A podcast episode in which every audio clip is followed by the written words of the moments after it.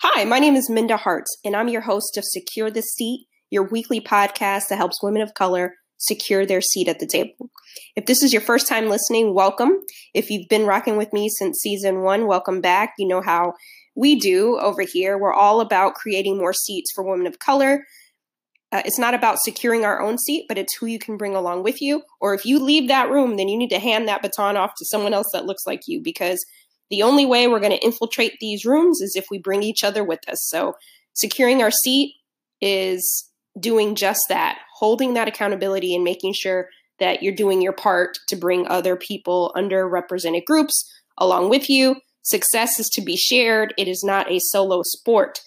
I hope you've had a great week and thank you for listening and leaving your reviews at Apple Podcast or wherever you listen. If you haven't had a chance to do that, but you listen religiously, please, please, please go and leave that rating for me. I would love for you to do that.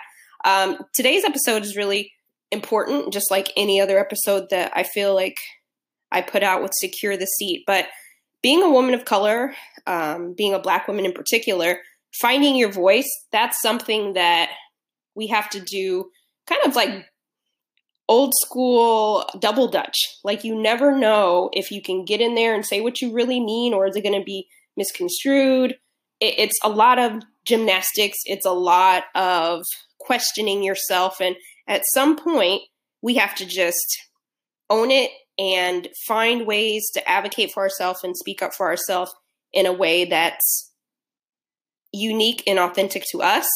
Um, in the interview, you'll hear us talk about Bozoma St. John, and you know, some people would say, "Oh, that's one way of showing up authentically," and I think Bose shows up authentically to her.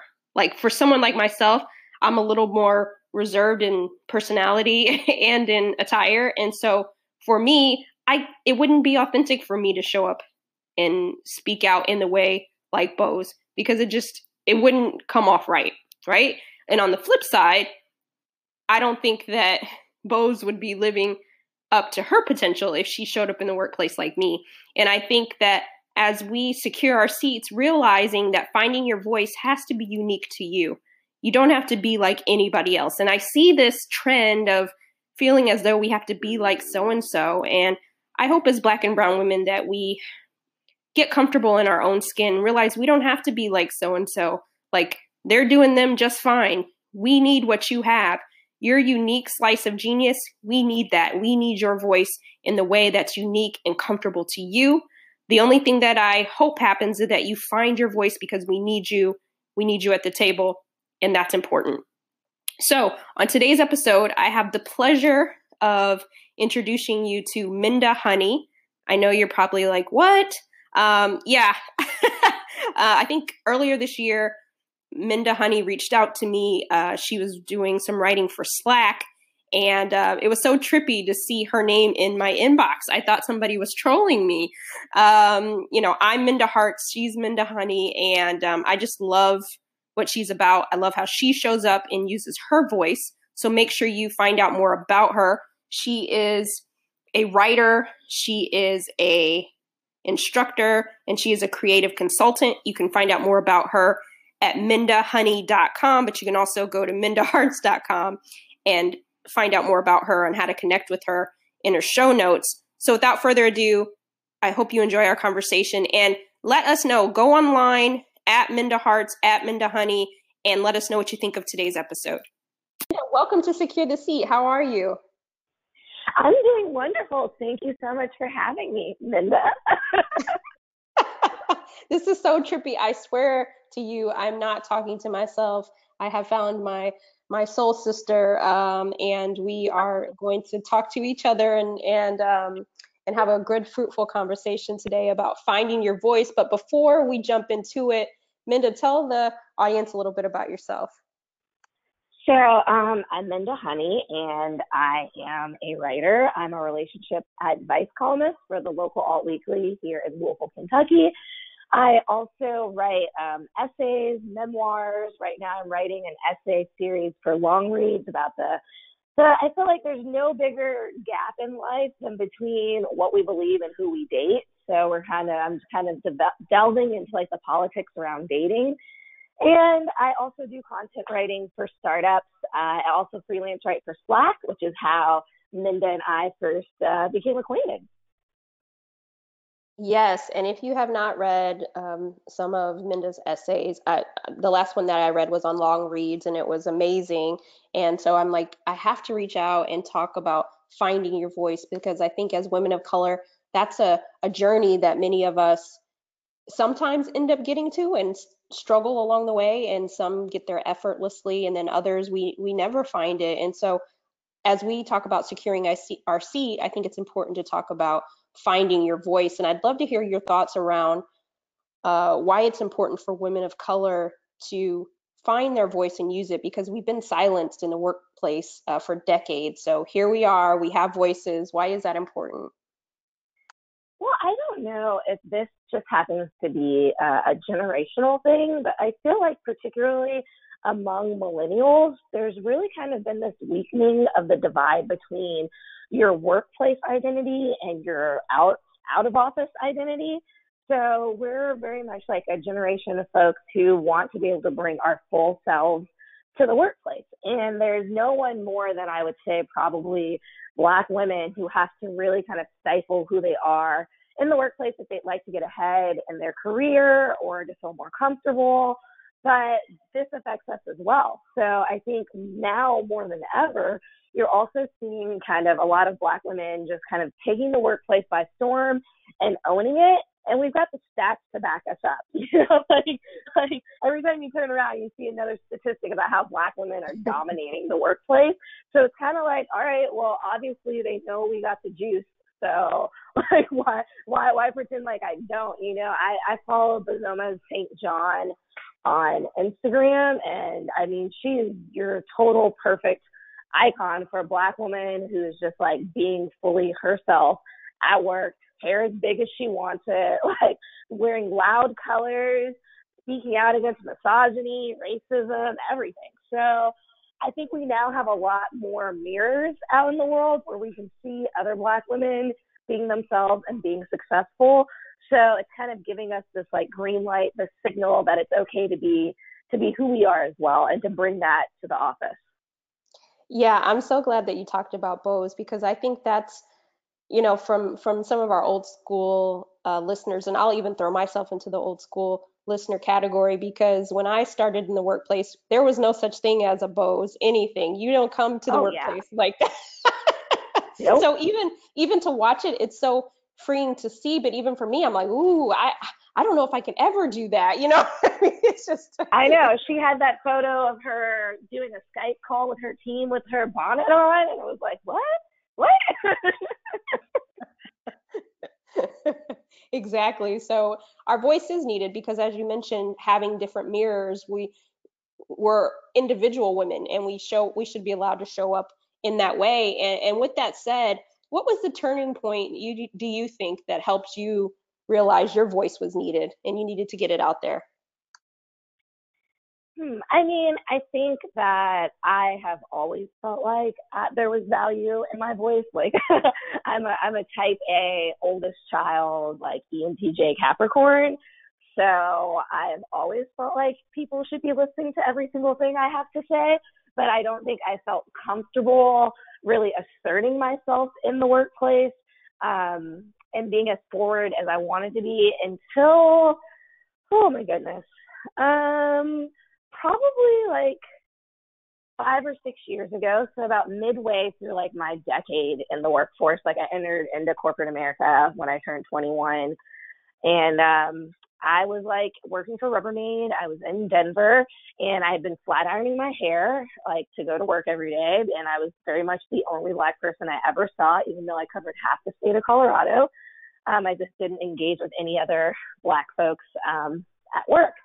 So I was straightening my hair and Denver is so dry that it eventually got so much heat damage that I had to have like five inches cut off. And I was like, oh, hell no. Like, I I'm gonna wear my hair curly to work every day. Like this is it. I had they, they had just announced that I was the number one salesperson in my region. I'd only been in my territory for a year and I was already the top salesperson. So I was like, why? Like who? Like why should I have to, um, you know, have to follow or abide by any of these silly rules when obviously none of that matters. Like people are gonna buy these mop buckets for me, or they aren't. So I stopped flat ironing my hair, and I was, and I, and I, you know, like I very much like my hair, like I can do whatever I want with it. I wear it straight, I wear it curly, whatever. Like I'm totally cool with it. And right there at that point in my life, because I wanted it to get healthy again, I knew that I needed to like keep heat off of it and wear it curly. So I would get like little sly, slick little comments from my coworker, like, "Oh, what's going on with your hair today?" Little things like that. And then when we went to our regional meeting um, to to get to get our awards for top salespeople and stuff, and not only was I the top salesperson and he was not, even though he's been in the area much longer and had been with the company longer than I had, but the first thing my like oh like fifty something white boss says when I get off the plane is like, Oh my gosh, your hair, I love it. Tell me more about it. Like and so that was it. Like it put a it put an end to everything. And I just kind of realized that I had very much like most people come into my career with like knowing I had guidance from other women, other black women, like, hey, like this is low key like what you need to do if you want to get ahead. But I think at some point you look up and you go, wait a second, like I'm not at the top of the ladder, but I'm not on the bottom rung anymore, which means that I have some clout and I should be able to make some choices that, that I want to make that make me most comfortable. So that was kind of the point where I realized like, you know what? I'm just going to be me. I'm successful enough and accomplished enough that if this isn't good enough for them, I will take my talents elsewhere. I love it. I love that you found you found your voice in that moment to make you comfortable and not everyone else. And it's not like you were and even if you wanted to shave your head bald and show up at the workplace, you know, that that's your decision, but mm-hmm. you were doing it because it was best for you, right? And right. so um, yeah. nothing else. I'm not so trying to. I'm not trying to have all this hair fall out because because of antiquated workplace notions around natural black hair. No, thank you. Exactly. People. Um, oh, girl, don't even get me started. People policing how we, how we show up and how we do certain things. That's a whole nother uh, episode that I don't want to go down the rabbit hole. But I'm glad that you example of um, showing up as who we are. I mean, this is the hair you were born with, and by God, you should be able to wear it the way you want to. Just, mm-hmm. just saying.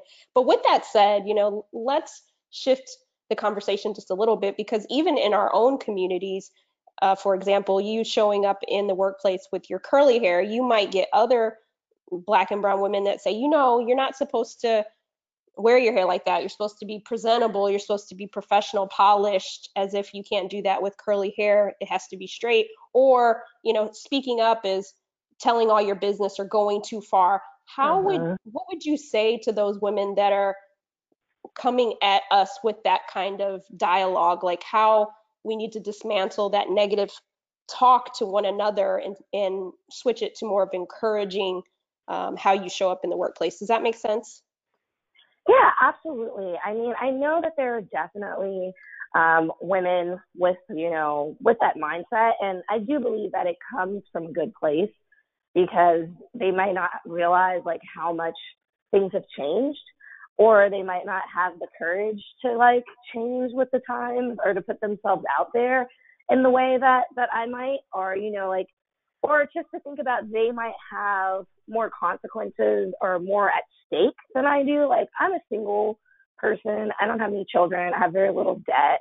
Like if I like if I were to lose my job because I I want to like live my black ass life on the clock, like that's that's a lot less at stake than you know some other black women who are like deep, more deeply entrenched in their careers and and have families to support. So I try to I try to view them with like a generous mindset and uh, mind frame, try to come at it from a place like that. And I just try to communicate to them, like, hey, like, I know what's at stake. I know it's at stake. I've been doing this for a while. I'm a very aware kind of person, and I am still making these choices. Like, this is a choice that I am knowingly making. It's not like I am this young person that just steps on the scene and I need some guidance because I don't know. It's like, okay, now I know and I am deciding to do this anyways because it's more it, it means more to me to be myself than it does for me to like um, try to appease whoever is around. I think I've been pretty fortunate here in Louisville since I um, became an entrepreneur. I'm a full time freelance writer.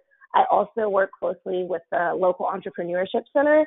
And up until recently, it was four black women and then our like operations guy, the finance guy, he's white.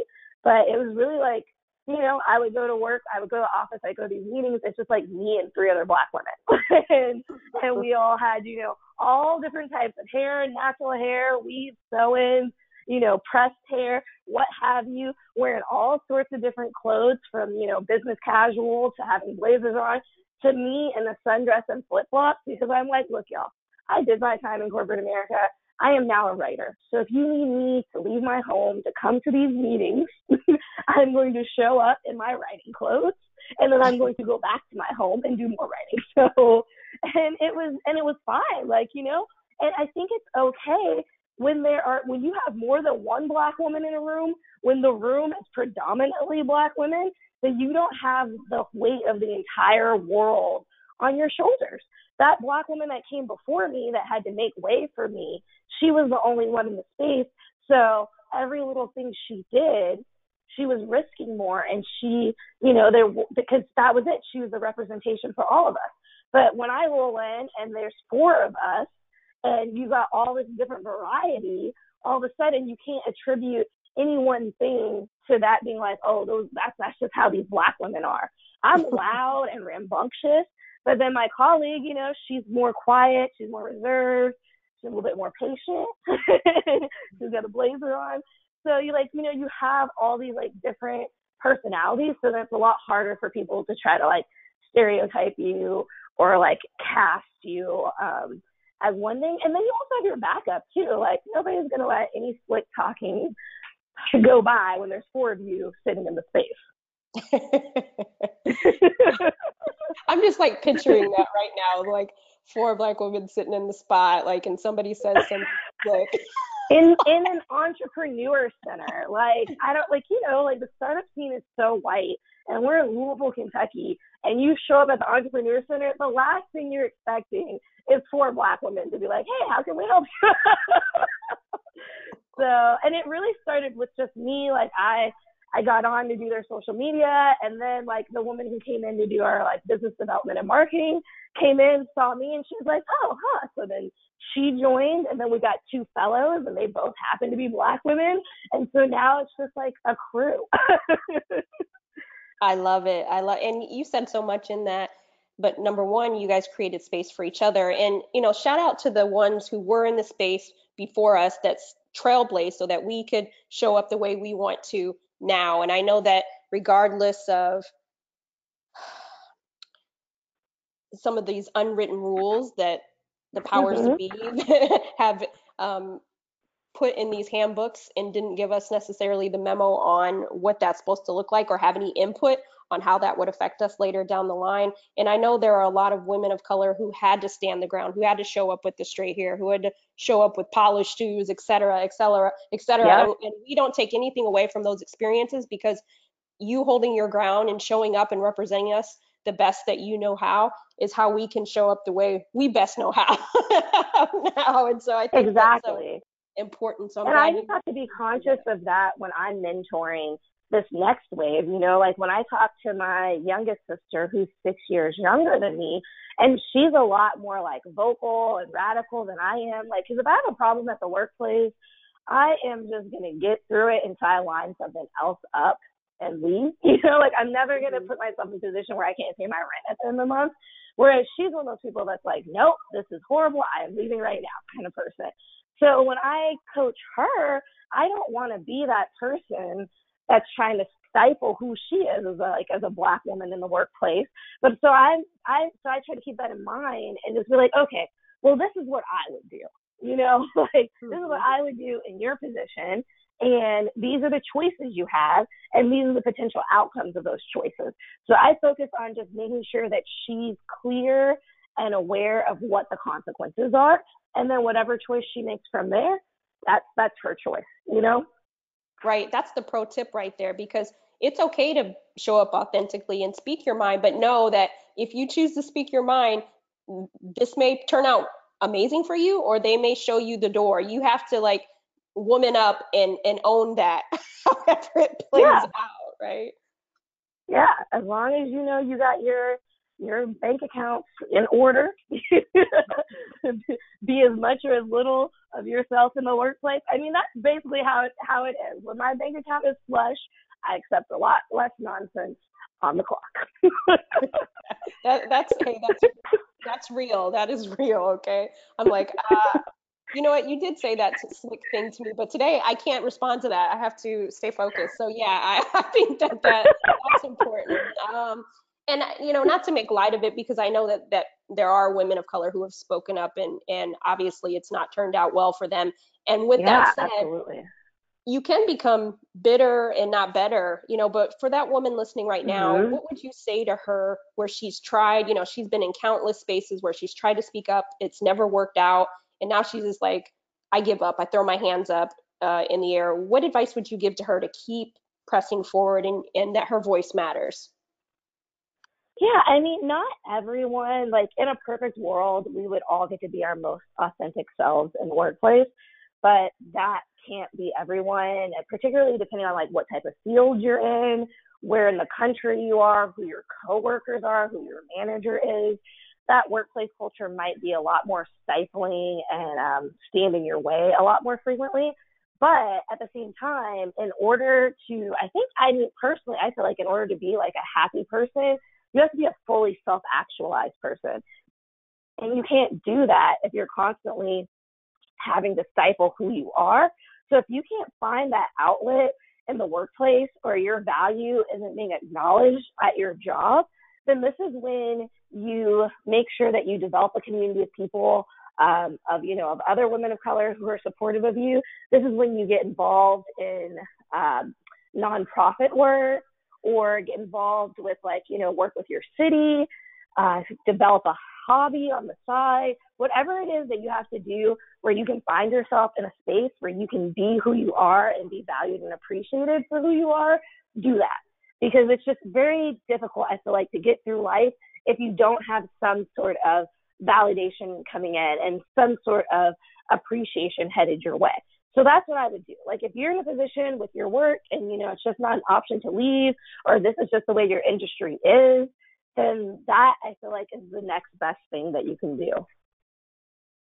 All of that. Yes, yes, yes. And we have to keep pushing even when the powers that be try to like oppress us, uh, you have that choice. Know that with your voice, you have the choice to leave and find a better space that's more conducive to uh, your voice and, and what you stand for. But um, only you can make that decision. Yeah. And so I'm, I'm thankful that you touched on those points, Minda. And before we get out of here, I have two bonus questions as a lover bonus of time. bonus time. I need some like ding ding ding kind of music to set it up, uh, but we'll pretend that it's there. Um, as a lover of grits and rap lyrics, uh, what's your favorite rap lyric and why? Oh my gosh, all my favorite rap lyrics are so ignorant. So I'm gonna, I'm just gonna leave y'all with a with a little Beyonce where she says, you know, always stay gracious and stack your paper. at the I love of, it. At the end of formation, yeah. yeah. Or the best revenge is your paper. Yeah. Always stay gracious. The best revenge is your paper. You know, like at a certain point, you just realize that you don't need to pop off or get angry or let people get under your skin. You just gotta find the next thing and and focus on making your money. You know. Yeah, uh, and that's that's real life too because we don't. There's a difference between finding your voice and advocating for yourself and burning bridges. There is a difference. Yep. So mm-hmm. yes, get your paper, totally. don't burn bridges. Um, and then yep. the show is called Secure the Seat. When I say that to you, what does that mean to you? For me, that means not just having a seat at the table, but marking that seat at the table for Black women. Like we, like we took this seat. Y'all ain't getting it back. Even when I move on, there's going to be somebody else just like me who's going to come and this seat's going to have their nameplate right in front of it that's a secure seat. We're not losing delegates here. We are increasing, taking over. I love that. I, I, I, love that. We, we are we are passing that baton. You don't you don't get that seat back. And actually, we're taking a few uh, along the yep. way with us. So just just get ready. So I love that. And where can people connect with you and support you? Uh, so my website, mindahoney.com, and then you can also find me on social media across all platforms at mindahoney. Yes, and so I'll make sure that we have all of Minda's information at mindaharts.com uh, in the show notes, and uh, not to be confused. Uh, and I swear I've not talked to myself on the other side of this. You will see when you go to her platform that she is real and live, and it's all good. So thank you, Minda, for joining Secure the Sea. and I can't wait for everyone to hear this episode. Thank you for joining me, and I hope you enjoyed that conversation with Minda. Um, go to mindahoney.com, support her, hire her, um, follow her, all of that good stuff. But you can also go to mindaharts.com and find out ways to connect with Minda in the show notes. Please share this podcast with a friend. Shout out to the guys that listen to the show as well. Um, lastly, if you haven't had a chance to go to mindaharts.com and sign up for the Women of Color Equity Initiative, I'm leaving it open uh, for another week or so before we build out the database. So I want to make sure that we get as many names in there initially uh, to have a very healthy database, uh, the sourcing tool that I'm creating. And just so you know, if your name doesn't get in at this round, it'll still be available to you. But I want to have a healthy amount of names inside the database so when companies connect, they have um, a diverse group of women from various industries. So make sure that you tell your friends and family to sign up. No discrimination in terms of age or industry. So we just want more women of color in leadership and management roles by winter 2019. So connect with me. I'm on all platforms, most active on Twitter at Minda Harts, and I look forward to hearing from you. Thank you again for rocking me. Have a great day.